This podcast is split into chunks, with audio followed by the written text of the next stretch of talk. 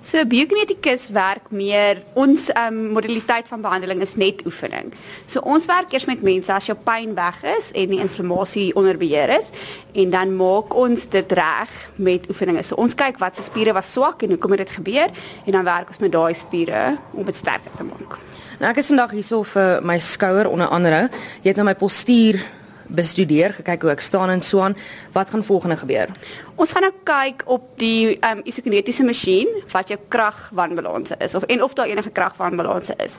So ek gaan kyk wat jou spiere in isolasie doen en dan gaan ek dit saamsit in funksie. So ons wil kyk is daai swakhede in isolasie kom dit deur in jou funksies. So ons gaan kyk of die goed wat ons toets swak is, dan ons kan sien as jy squat of as jy beweeg en dan wil ons dit regmaak in beweging nie in isolasie nie. So ons gaan kyk dat alles op die einde saamwerk. So as jy skouers seer is, is dit dalk jou heup wat die probleem is. Of as jou knie seer is, is dit dalk jou skouer wat die probleem is.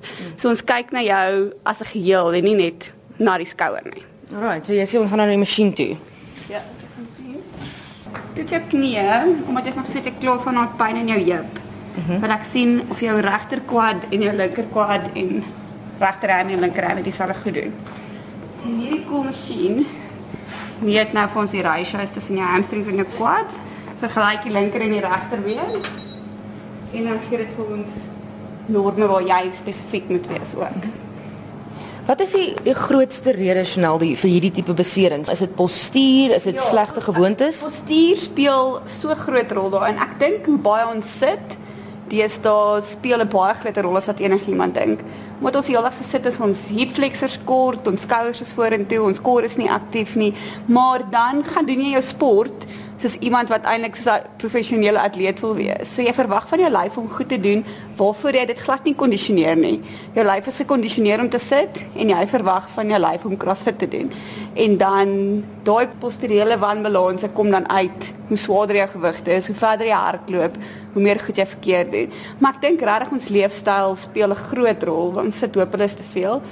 En dan is dit maar slegte gewoontes wat ons aanleer omdat ons nie iets kan doen met die een spier en dan vat 'n ander spier oor. Ons gaan net 'n paar trials doen en jy kan voel gaan dit voel. So jy gaan opdruk met jou been. So druk op. En trek af. En op. Trek nou 'n bietjie harder. En trek 'n bietjie harder. Dan gaan jy voel dit voel harder.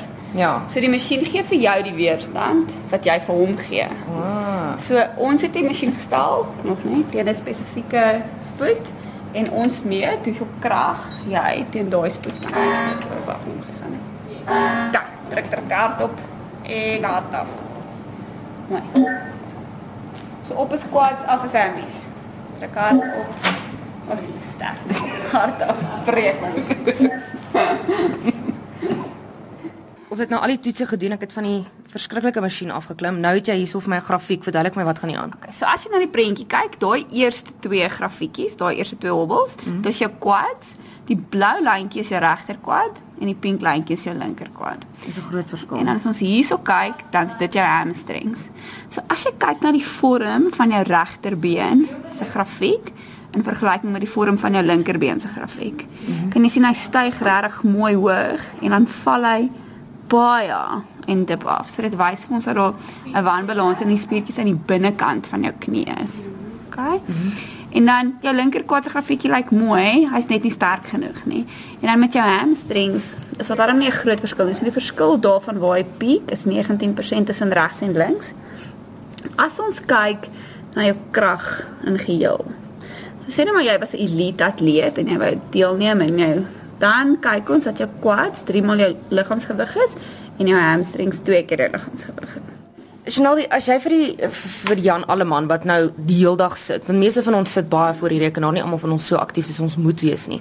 Bewegings wat elke dag kan doen om net die basiese goeie sterk te maak en seker te maak wat hulle doen wanneer hulle sit, wanneer hulle beweeg, dat die bewegings reg is. Ek dink die belangrikste ding is om te beweeg eerstens. So maak seker dat jy iets op jou horlosie het of op jou foon het wat jou ten minste elke uur herinner om in 'n ander posisie te kom. So as jy opgestaan het en jy gaan haal 'n glasie water en jy drink water en jy kom sit weer, sit jy outomaties nie so krom nie. So dit is nie vir mense moontlik om die hele dag regop met hulle skouers oop te sit nie. So my eerste bietjie raad vir mense is om ten minste elke uur net 'n bietjie te beweeg. Dan sal ek sê mense moet fokus om hulle skouers sterk te kry tussen hulle vlekkies. So knyp jou skouers bietjie terug, rol jou skouers bietjie agtertoe, strek jou nek uit. Maak seker jou maagspiere styf waar jy in jou stoel sit, trek jou naaltjie in, squeeze jou boude en dan maak dit seker daai spiere is 'n bietjie meer aktief dat dit net iets is wat in jou kop is die hele dag dat jy nie so vorentoe sit nie. En dan as jy weer opstaan elke keer as jy kom sit, dink weer daaraan. Dat dit net iets is wat jou lyf op die ou ende gewoond aan raak. So ek sal sê beweeg net 'n bietjie meer deur die dag. Daar's 'n groot neiging na mense wat staan en werk. Standing desks word al hoe meer populêr. Ek dink oor 'n paar jaar gaan ons sien dat meeste mense staan en werk en nie meer sit en werk nie.